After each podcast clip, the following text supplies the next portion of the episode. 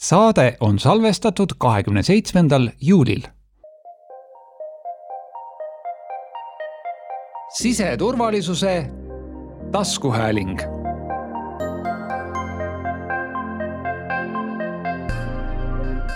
tere, te kuulate siseturvalisuse taskuhäälingut. täna räägime siseminister Kristjan Jaaniga olukorrast Leedus ning Eesti rollist ja valmisolekust äh, sellises situatsioonis äh, toimetada. mina olen Monika Viidul, äh, juhin täna seda saadet ja igapäevatööks on siseministeeriumi kommunikatsiooniosakonna juhtimine. tere, Kristjan. tervist juunis hakkas Valgevenest Leetu suunduvate ebaseadusliku sisserändajate number järjest kasvama ja Leedu seisis silmitsi rändekriisiga Kristjan, sa tulid just Leedust, äh, käisid seal kahekümne kuuendal juulil. mis olukord seal praegu on? no olukord on keeruline, et äh, Leedu jaoks on see kindlasti väga suur väljakutse ja tegelikult noh, ma olen kasutanud seda väljendit, et justkui meie enda noh, nii-öelda tagahoovis on nüüd tegelikult see lugu, mida oleme võib-olla varasemalt vaadanud ja ka teadnud ja loomulikult nii-öelda olnud ka Euroopa Liidus solidaarsed, ma ei tea, Vahemere riikide osas ja nii edasi, kes on nagu pidevalt sellise rändesurve all olnud. ja, ja nüüd on ta nagu Leedus põhimõtteliselt nagu viiesaja kilomeetri kaugusel meist. ja see olukord Leedus on tõepoolest kriitiline ja, ja, ja noh, näitab jällegi seda, et tegelikult selline ootamatu rändesurve võib tabada noh, põhimõtteliselt mis tahes Euroopa Liidu riiki ja see loomulikult äh, paneb muretsema ja, ja paneb loomulikult mõtlema ka selle peale, et äh, millised on need tegevused, veel täiendavalt need tegevused, mida me Eestis peaksime tegema, mida peaks tegema Euroopa Liidu tasandil. et äh, kui nüüd vaadata ka seda Leedu olukorda korraks nagu täpsemalt, siis meil on tänase seisuga noh, paari päeva pärast tõenäoliselt on see number juba kolm tuhat, kui palju siis on nii-öelda illegaalselt ületatud Leedu-Valgevene piiri ja kui me vaatame seda, et kui suur osa nendest inimestest on esitanud siis näiteks äh, rahvusvahelise kaitse taotlusi, siis äh, see hulk on tänase seisuga kuskil tuhande kandis. ja mitte ühelegi ei ole Leedu riik siis tegelikult seda rahvusvahelise kaitse andmise otsust teinud. ja noh, nii palju, kui ka nüüd vaadata või kui palju ka lugeda neid kokkuvõtteid, ülevaateid, siis me tegelikult ikkagi saame enamjaolt aru, et tegemist on ikkagi selliste majanduspõgenikega nii et olukord on, äh, olukord on kergelt öeldes äh, keeruline. Sa ütlesid, et tegemist on majanduspõgenikega, et kas see ongi see põhjus, äh, miks need inimesed Leetu tulevad? noh, kui me vaatame kasvõi seda, et, et kui suur osa nendest näiteks on või siis pigem ei ole esitanud äh, rahvusvahelise kaitse taotlust ja enamus ei ole seda teinud, siis äh, sellest tulenevalt äh, see arvamus äh, on tekkinud mm,. kui nüüd mõelda selle peale, et mida need inimesed nagu otsivad Leedust või miks nad tulevad Leetu, siis äh, aus vastus on see, et äh, ega nad Leedust tõenäoliselt mitte midagi ei otsigi. vaid nende eesmärk on ikkagi äh, liikuda Leedust edasi transiidina Kesk-Euroopasse, Saksamaale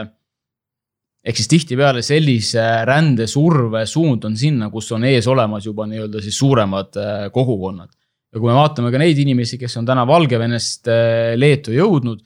kes kusjuures Valgevenesse on tulnud ju äh, turistidena põhimõtteliselt. nii et me ei saa mitte kuidagi võrreldada seda tänast olukorda sellega, mida me oleme näinud võib-olla kaks tuhat viisteist rändekriisi ajal äh, Vahemere piirkonnas kus tõepoolest otseselt põgeneti nii-öelda oma koduriigist, kus väga paljudel tõepoolest oli tagakiusumise äh, olukorrad, kus oli tõesti oht see, et need inimesed surevad seal oma riigis, siis antud juhul on turistidena tuldud äh, äh, suuresti Iraagist Valgevenesse. ja sealt edasi siis illegaalselt Leetu selleks, et jõuda oma kogukondade juurde. suures plaanis on seal tegemist kurdidega, kurdide väga suur kogukond on Saksamaal ja sinna täna see, see püüd neil on loomulikult, ega need inimesed, kes on esitanud äh, varjupaigataotlusi, siis loomulikult ega iga riik, kellele see esitatakse, peab ka selle protsessi ju läbi tegema ja tuvastama, et äh, kas on olemas siis nii-öelda see alus, et inimesele rahvusvaheline kaitse anda ja loomulikult, kui see alu, alus on olemas, et inimese elu ja tervis on ohus tema koduriigis, on suur oht, teda seal taga kiusatakse. või on koguni oht see, et see tema elu võib seal lõppeda, siis loomulikult, ega sellised inimesed vajavadki kaitset ja sellistele inimestele tulebki kaitse anda. hetkel tundub, et äh, selles rändesurves, mis on äh, Leedule osaks saanud, seda joont väga ei ole mm. -hmm. aga mis saab nendest sisserändajatest, kes Leetu jõuavad, mis nendest edasi saab? noh, kaks varianti on, et kui nüüd need inimesed, kes on Leetu jõudnud illegaalsel teel siis kui nad esitavad rahvusvahelise kaitse taotluse, siis Leedu peab selle rahvusvahelise kaitse taotluse loomulikult nii-öelda läbi menetlema, et, et kui inimene on selle taotluse esitanud, siis tema nii-öelda see staatus ka koheselt muutub. ja nii kaua siis, kuni noh, vastav riik siis menetleb seda rahvusvahelise kaitse taotlust. ehk siis ta peab tuvastama tõepoolest selle, et see inimene on enda koduriigis ohus. aga selle menetluse käigus tuleb kindlasti teha selgeks ka see, et kes see isik ikkagi päriselt on et see on nagu tihtipeale päris suur väljakutse, sest me näeme ju ka seda, et need inimesed tulevad ilma dokumentideta või siis sihilikult hävitatakse enda dokumendid. Aga üldplaanis jah, tuleb selgeks teha siis see, et kas selle inimese elu ja tervis on ohus tema lähteriigis, kus ta nii-öelda oma rännakut siis alustas. kui see nii on, siis ta saab rahvusvahelise kaitse staatuse, ta saab elamisloa ja ta saab selles riigis, kuhu ta siis jõudis, edasi äh, elada. kui inimene ei esita rahvusvahelise kaitse taotlust siis äh, algab nii-öelda selle inimese tagasisaatmise protsess. ja see on muidugi paras väljakutse, sest äh, kui me räägime nagu tagasisaatmise protsessist, siis see on ikkagi nagu koostöö, et ka nii-öelda see riik, kuhu inimene peaks jõudma, oma koduriik peaks tegema nagu koostööd. kui me räägime sellest, et need inimesed, kes Leetu on täna jõudnud, valdavas osas iraaklased, siis Iraaki tagasisaatmine on täna keeruline. ja siin nüüd on väga oluline roll Euroopa Liidul nii-öelda siis liidu tasandil saavutada kokkulepped lähteriikidega, et oleks inimesi võimalik sinna tagasi saata. ja see on eh, täna väga keeruline. Leedu on väga suuri pingutusi teinud siin nii välisministri tasandil, siseministri tasandil aga hetkel ei ole ju sellega nagu kuskile väga nagu äh, jõutud, ka Euroopa Liit on siin väga kõvasti pingutamas, aga tõenäoliselt peab Euroopa Liit siin ka veel kõvasti rohkem pingutama, et sellised kokkulepped äh, saavutada. Et siin nüüd tuleb välja ka see olukord, kus äh, sellised väikeriigid nagu Leedu, nagu ka Eesti või Läti, siis saavutada nii-öelda kahepoolseid kokkuleppeid. noh, antud juhul näiteks Iraagiga tagasivõtulepingute osas, see on ikkagi äärmiselt keeruline ma kohe küsingi siis, et kuidas üldse Leedu selles olukorras toime on tulnud? Keeruline on, sest ega Leedu ei ole ju äh, algselt äh, ka planeerinud ega valmis olnud äh, nii suure hulga illegaalsete sisserändajate vastuvõtmiseks. ja Leedu on selles mõttes olnud nagu väga tubli, et noh esimesest nagu faasist saadik, kui oli näha, et nii-öelda see rändesurve kasvab ja, ja on näha selline väga sihilik rändesurve Valgevene suunalt kus Valgevene, Valgevene tõenäoliselt on seda igati ka toetamas ja kaasa aitamas. siis nii-öelda kõigepealt omaenda tegevused Leedu poolt, aga ka kohe nii-öelda Euroopa ja maailma tasandil siis nii-öelda selle pildi esiletõstmine. abi küsimine Frontexilt abi küsimine Euroopa Liidu elanikkonnakaitsemehhanismi kaudu. ja kindlasti ka abi küsimine ja ka abi pakkumine nii-öelda läbi kahepoolsete äh, suhete. Ja siin on nagu äärmiselt oluline jällegi see mm, olukord, äh, kus siis Eesti esimese riigina tegelikult äh, nii-öelda kahepoolselt kohe ka Leedule appi läks et selline abi andmine, abi küsimine, eks ta nagu Euroopa Liidu tasandil ongi tihtipeale sellisel kahel tasandil, üks asi on siis läbi Euroopa Liidu institutsioonide nagu ma ennem mainisin, et olgu ta siis nii-öelda elanikkonnakaitsemehhanism, olgu ta Euroopa Liidu äh, varjupaigaamet, olgu ta Frontex või siis läbi kahepoolsete suhete. Miks on need kahepoolsed abi andmised alati head? Need on hästi kiired. Need on äh, sellised, et kui mina Leedu siseministriga suhtlesin ja küsisin, kas te vajate abi ja vastus oli jah, vajame siis see abi andmine põhimõtteliselt oli päevade küsimus. Äh, ja me suutsime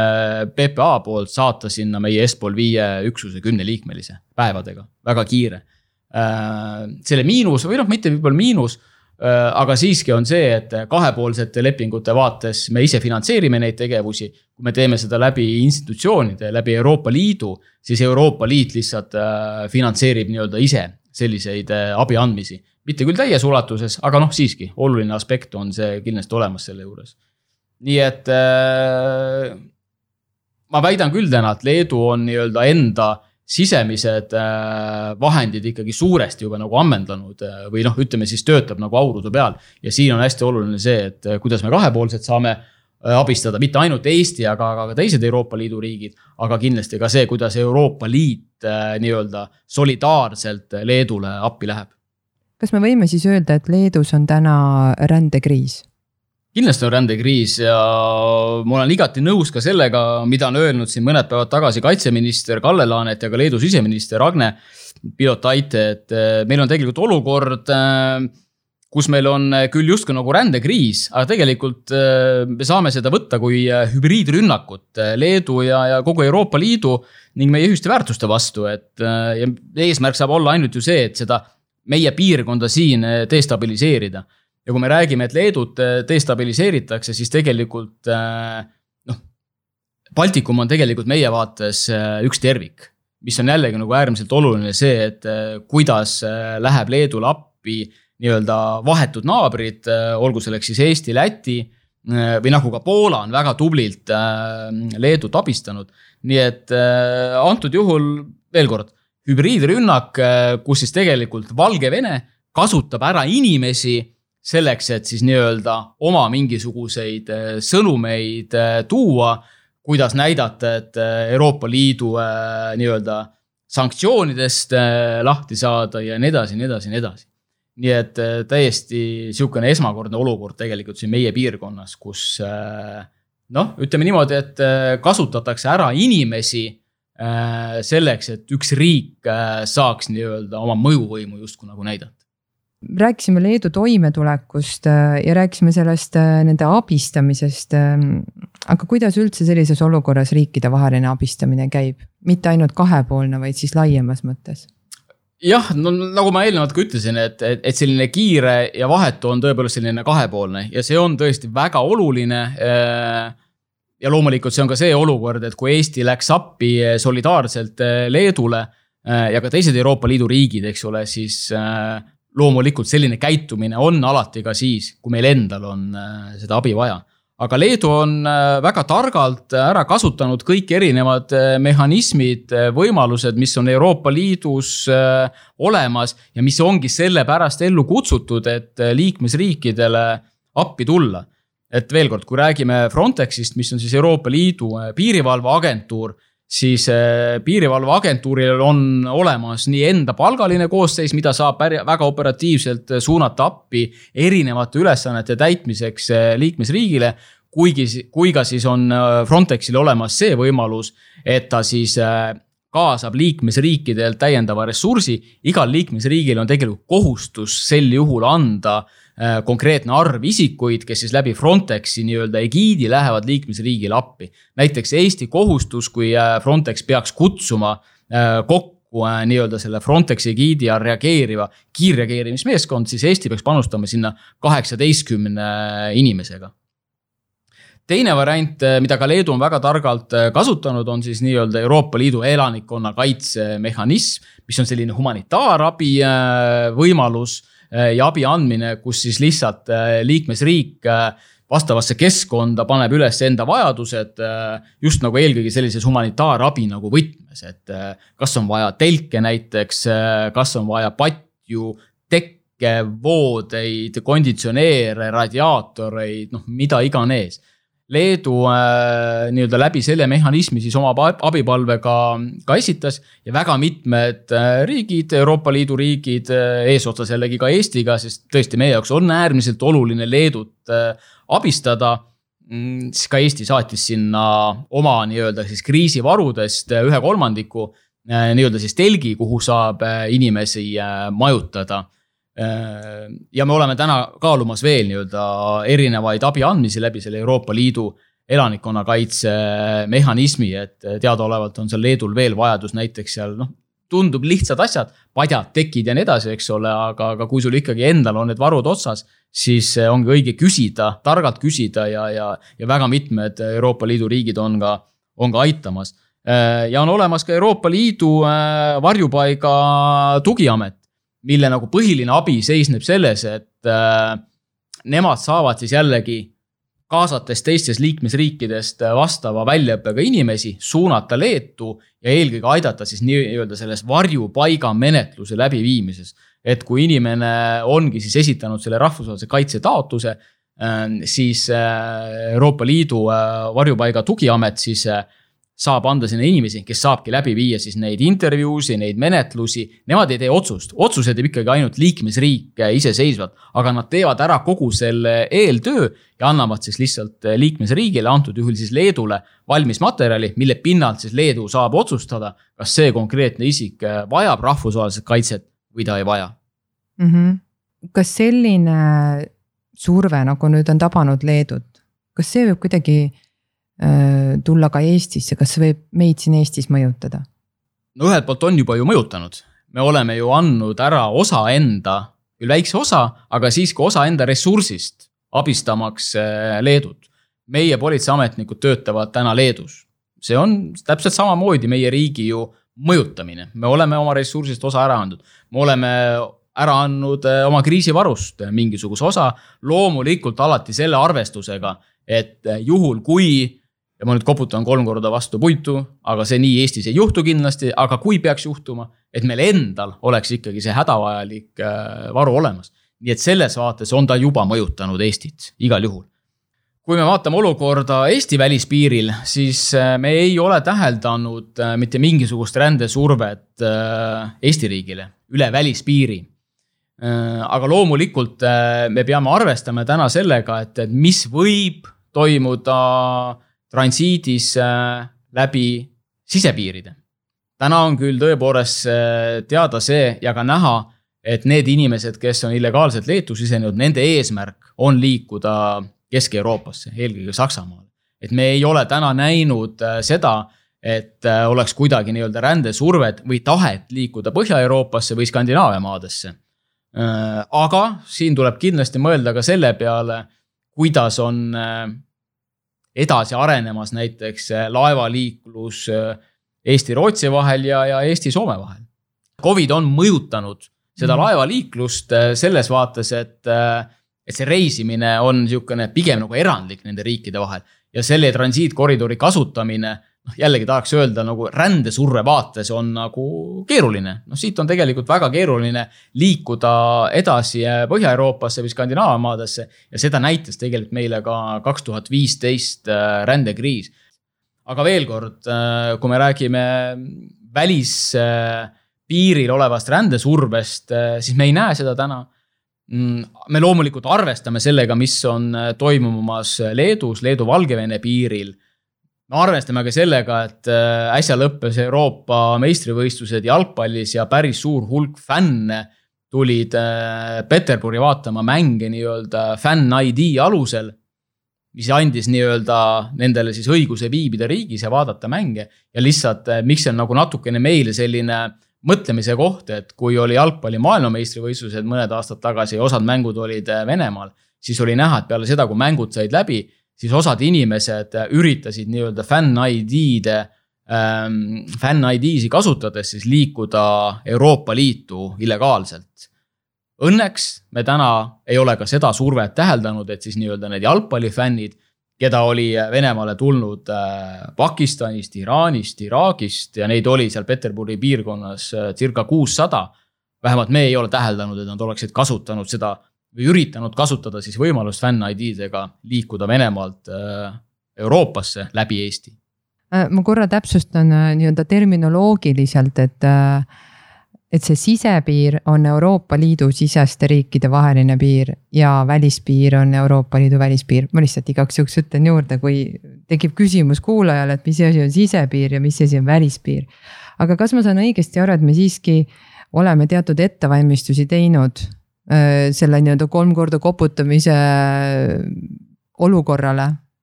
ja oleme, me oleme ettevalmistusi teinud ja äh, me oleme nii-öelda üles ehitanud sellise kolmeetapilisena meie siis äh, reageerimise, juhul kui meil peaks rändesurve siis suurenema. see, mida täna on juba Politsei- ja Piirivalveamet teinud, on siis see, et olemasolevat ressurssi suunanud rohkem ähm, nii sisepiiride lähistele kui ka siis äh, välispiiride äh, lähistele just selle eesmärgiga, et olla rohkem pildis, suhelda rohkem kohalike inimestega ja olla väga nagu nähtaval. et me ei ole küll eraldi patrulle sellel otstarbel välja toonud äh, PPA poolt, aga olemasolevat ressurssi nii-öelda suunanud rohkem nii-öelda sellistesse kohtadesse, kuskohast võiks see esimene surve või ohukoht meile tekkida. nüüd teine lähenemine kui me näeme, et tõepoolest äh, see oht on läinud äh, suuremaks ja me näeme seda, et äh, on tekkinud olukorrad, kus inimesed soovivad liikuda näiteks ka Põhja-Euroopa suunas või Skandinaavia suunas, siis see järgmine tegevusfaas on see, kus PPA siis nii-öelda reaalselt tõstab patrullide arvu, eelkõige siis sisepiiridel. ehk siis suurem hulk patrulle veel rohkem tegemas ja läbi viimas selliseid kompensatsioonimehhanisme, see ei ole veel piiri taastamine ega piiri sulgemine, aga see on see, kus piirialadel on rohkem patrulle tegemas tööd. ja kui see ohutase peaks minema kõrgeks, siis on loomulikult äh, viimane etapp see, et äh, tuleb sulgeda piir ja nii-öelda siis taastada äh, piirikontroll meie lõunapiiril ehk siis piirikontrolli taastamine Eesti-Läti suunal ja ka selleks äh, ettevalmistused äh, iseenesest äh, käivad. Ja mis on ka oluline see, et olen ka valitsuses tutvustanud neid plaane, et sellised erinevad etapid, välja arvatud küll esimene etapp, aga teine ja kolmas vajavad kindlasti ka täiendavat eelarvet. Ja valitsuse poolt on meil olemas ka põhimõtteline otsus, et kui selliseid samme peaksime Eesti riigis tegema, eelkõige Politsei- ja Piirivalveameti poolt, siis on ka põhimõtteline otsus, et sellele on ka nii-öelda siis eraldiseisev eelarve valitsuse reservist äh, olemas. ja loomulikult on olemas ka hädaolukorra lahendamine plaan, lahendamise plaan, mis puudutab siis massilist äh, sisserännet, kus Politsei- ja Piirivalveamet on küll juhtivaks asutuseks, aga väga suur hulk siis erinevaid teisi asutusi on selle hädaolukorra plaani lahendamiseks eh, kaasatud, juhib küll Politsei- ja Piirivalveamet, aga väga oluliste partneritele on seal kohalikud omavalitsused, ähm, Päästeamet, Sotsiaalkindlustusamet, Sotsiaalministeerium, Justiitsministeerium ja nii edasi, nii edasi, nii edasi, äh, kuni Välisministeeriumi, Riigikantseleini välja. ja igaühel on seal nagu väga konkreetsed äh, ülesanded, äh, kuidas siis nii-öelda sellist hädaolukorda lahendada, kus meil siis lühikese ajaga väga suur hulk illegaalseid piiriületajaid Eestisse saabub, eh, noh, ütleme, et politsei- ja piirivalveameti selline põhiülesanne on eh, võtta need saabujad vastu ja siis vastuvõtupunkt nii-öelda üles ehitada ja tegeleda nii-öelda vastuvõtupunktis dokumentide kontrollimisega, isikute tuvastamisega, majutamisega ja, ja, ja toitlustamisega. aga noh, näiteks kui on Eesti riigis vastu võetud otsus, et see isik näiteks vajab eh, rahvusvaheliselt kaitset noh, siis hakkab juba töötama siin sotsiaalsüsteem, kohalikud omavalitsused majutuspunktidesse suunamine ja nii edasi, nii edasi, nii edasi, nii et äh, väga paljudel erinevatel partneritel väga mitmed erinevad ülesanded ja Politsei- ja Piirivalveamet on nii-öelda siis äh, seda tegevust juba paar nädalat tagasi tegelikult nagu alustanud, et siis nii-öelda läbi käia kõik partnerid, veel kord kokku leppida, läbi käia, milline on äh, iga part-, partneri konkreetne tegevus ja veenduda ka selles valmisolekus, et kui see peaks täna juhtuma, siis me oleme valmis ka sellele reageerima aga kui tõenäoline siis on, et, et need Valgevenest tulevad illegaalid üldse võiksid jõuda Eestisse? no ütleme nii, et äh, üldiselt on nii ebaseaduslikult riiki tulnud välismaalase kui ka siis nende varjupaiga taotlejate eest vastutab ikkagi üldreeglina see riik, kelle territooriumile ta kõigepealt äh, saabunud on. ja nüüd tõenäosus, et Valgevenest äh, tulevad sisserännajad jõuaksid nüüd ka Eestisse, see täna on ikkagi see tõenäosus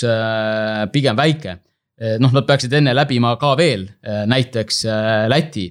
territooriumi, nii et hetkel me hindame seda tõenäosust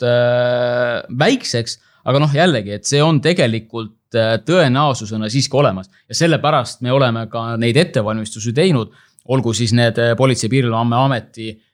tegevused piiridel kui ka siis valmisoleku tõstmine lähtuvalt hädaolukorra plaani realiseerimiseks ja veel kord, eks neid indikaatoreid on äh, päris mitmeid ja ma eelnevalt ka puudutasin ühte, mis on nagu konkreetselt seotud sellega, et äh,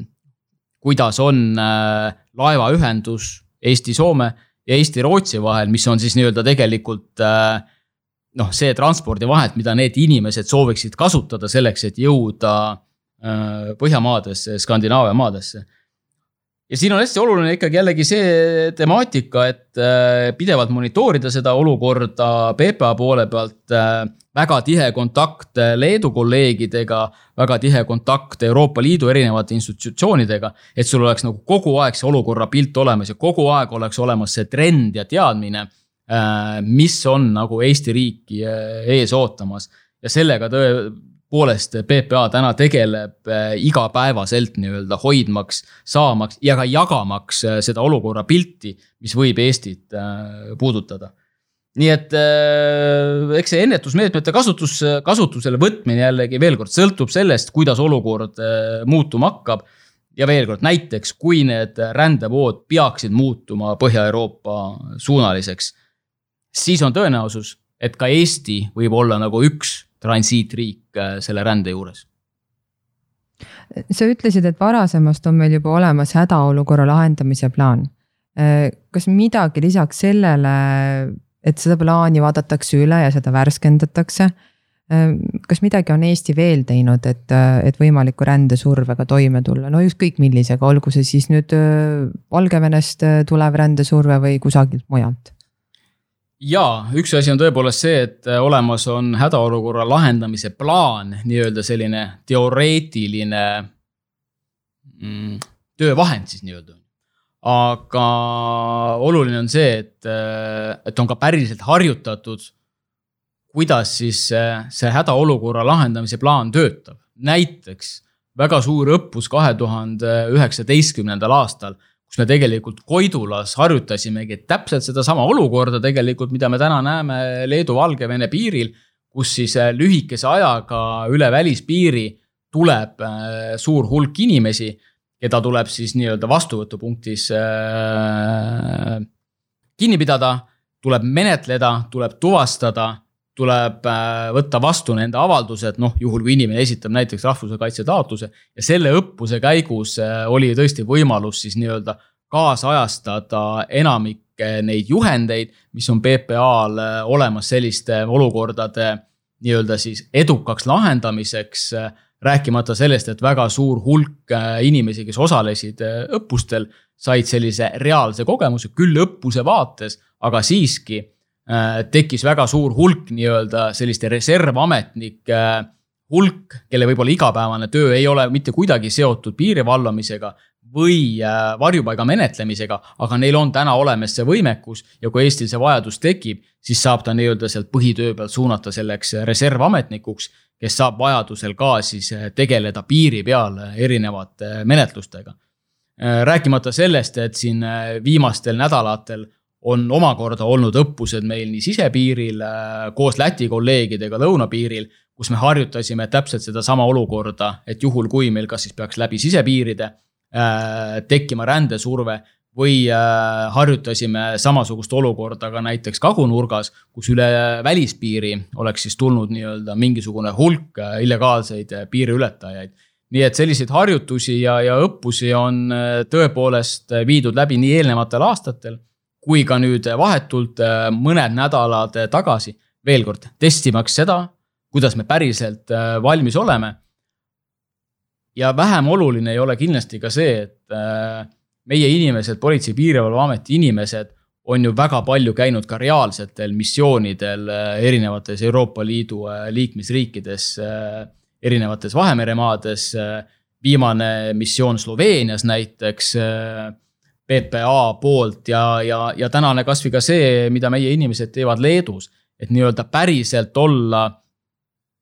selle kriisi juures, selle kriisi lahendamise juures ja tuua see tarkus ja teadmine nendest riikidest siia koju kaasa, et äh, Eesti on tõepoolest väga paljudes riikides äh, abiks käinud ja, ja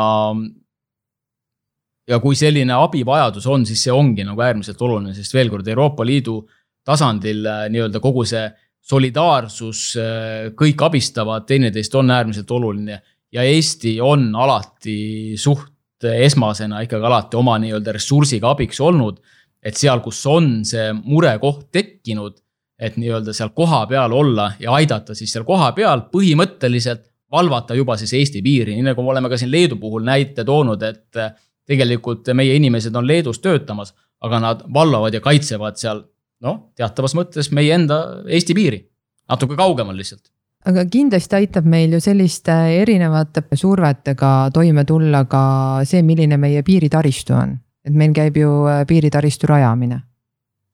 ja sa tabasid kõige õigemasse kohta üleüldse, sest tegelikult äh, kõik algabki sellest, et äh, kui hästi on kaitstud meie ja kui me räägime meiest, siis see on ka Euroopa Liidu välispiir. Täna me oleme meie välispiiri taristut ehitamas välja, et me ehitame täna Äh, kagunurgas äh, kahekümne kilomeetrist äh, piirilõiku. ja noh, mina olen küll see inimene, kes pooldab nii-öelda füüsilise tõkke ehitamist välispiirile. füüsiline tõke küll üksinda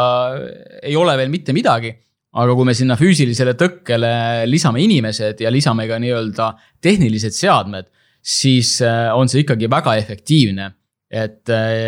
illegaalne piiriületaja isegi mitte ei hakka üritama piiri sealt ületama. aga siin on vähe kasu, kui ainult üks Euroopa Liidu riik seda teeb. et äh, Euroopa Liidu äh, välispiir on äh, ikka tükimat pikem kui Eesti välispiir. mida Eesti ja Leedu on Euroopa Liidu tasandil väga palju nii-öelda esile toonud ja, ja ettepanekuid teinud, et meil peab olema Euroopa Liidus ühtne piiri vallamise, piiritaristu standard minimaalne standard, et millest nagu iga liikmesriik kellel ikkagi nagu äh, välispiir on, et mis see miinimumstandard on, milline see piir siis äh, välja nägema peab. Äh, ja me oleme väga nagu, kuna meie oleme täna ehitamas oma piiri, siis me oleme väga tahtnud ka nii-öelda seda enda piiri tuua nagu näiteks, eks ole, et, et see võiks olla selline standard. miks on hea, kui oleks Euroopa Liidus selline ühtne standard kokku lepitud?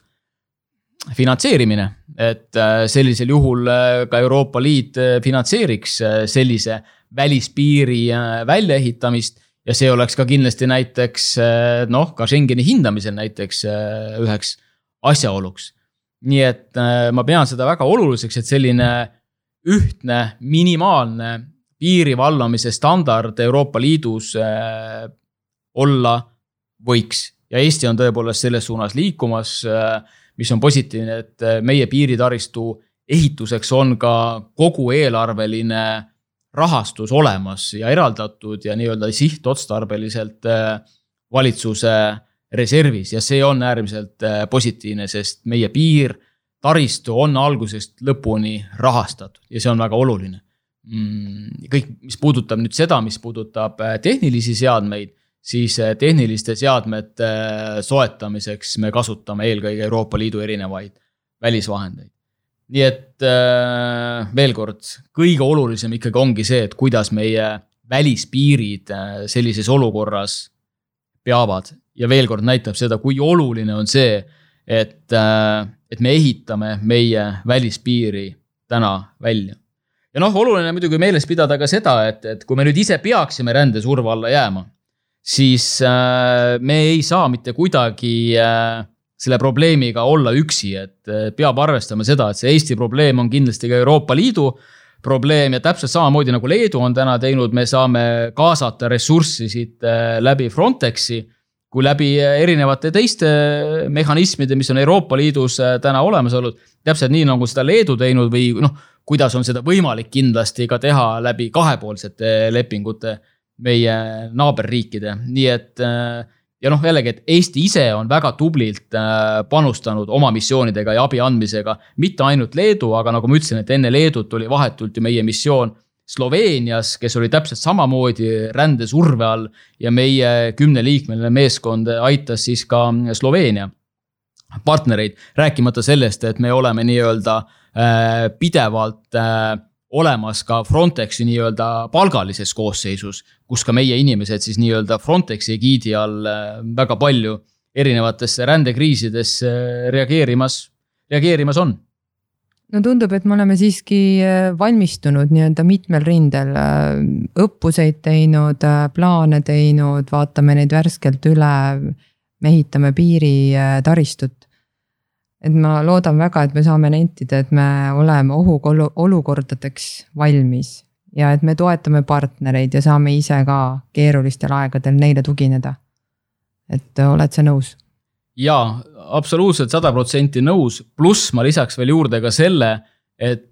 ka seadusandlikult me oleme tegelikult siin juba eelnevalt viinud sisse erinevaid muudatusi meie õigusruumi ja näiteks võtnud vastu ka Euroopa Liidu niinimetatud naasmisdirektiivi ja mis see meile siis annab see lihtsalt annab äh, liikmesriigile võimaluse, et kui meil jällegi lühikese ajaga saabub riiki väga suur hulk ebaseaduslikke sisserändajaid, siis me saame lihtsalt muuta kinnipidamise nõudeid. noh, näiteks pidada neid kinni välja, väljapool kinnipidamiskeskust noh, ma ei tea, loobuda perekondade majutamisel privaatsuse tagamise nõudest äh, samuti on hädaolukorras põhjendatud näiteks piirata ebaseaduslikele sisserändajatele osutavate teenuste hulka. noh, näiteks piirdudes ainult siis majutuse, toitlustuse ja, ja hädavajaliku äh, arstiabiga. ehk siis seesama näide, mida täna on ka Leedust näha, eks ole, et kui see väga suur hulk neid tuleb, siis peab olema ka võimalus nii-öelda kuskilt seda reageerimist äh, noh, selles mõttes reageerimist nagu äh, tõmmata tagasi et, äh, et kõiki neid tingimusi, mis on võib-olla muidu igapäevaselt ette nähtud, et kui sul tuleb üks või kaks illegaalset sisserändajat, kes esitavad rahvusvahelise kaitse taotluse, siis sa teed võib-olla nagu seda ühel tasandil. Äh, ja kui neid tuleb tuhandetes, siis see tasandiliselt läheb natukene allapoole. ja tõepoolest, meie õigusruumis on see võimalus äh, olemas. oleme vastu võtnud ka Euroopa Liidu selle naasmisdirektiivi, mida ma mainisin ja see kõik annab meile ka selleks võimaluse hästi, ma loodan väga, et neid äh, võimalusi ei lähe vaja, kõiki neid asju, mida on ette valmistatud. aga aitäh äh, selle vestluse eest, äh, aitäh, et te meid kuulasite ja järgmiste taskuhäälinguteni siseturvalisuse valdkonnas. aitäh kõigile ja oleme turvalised. siseturvalisuse taskuhääling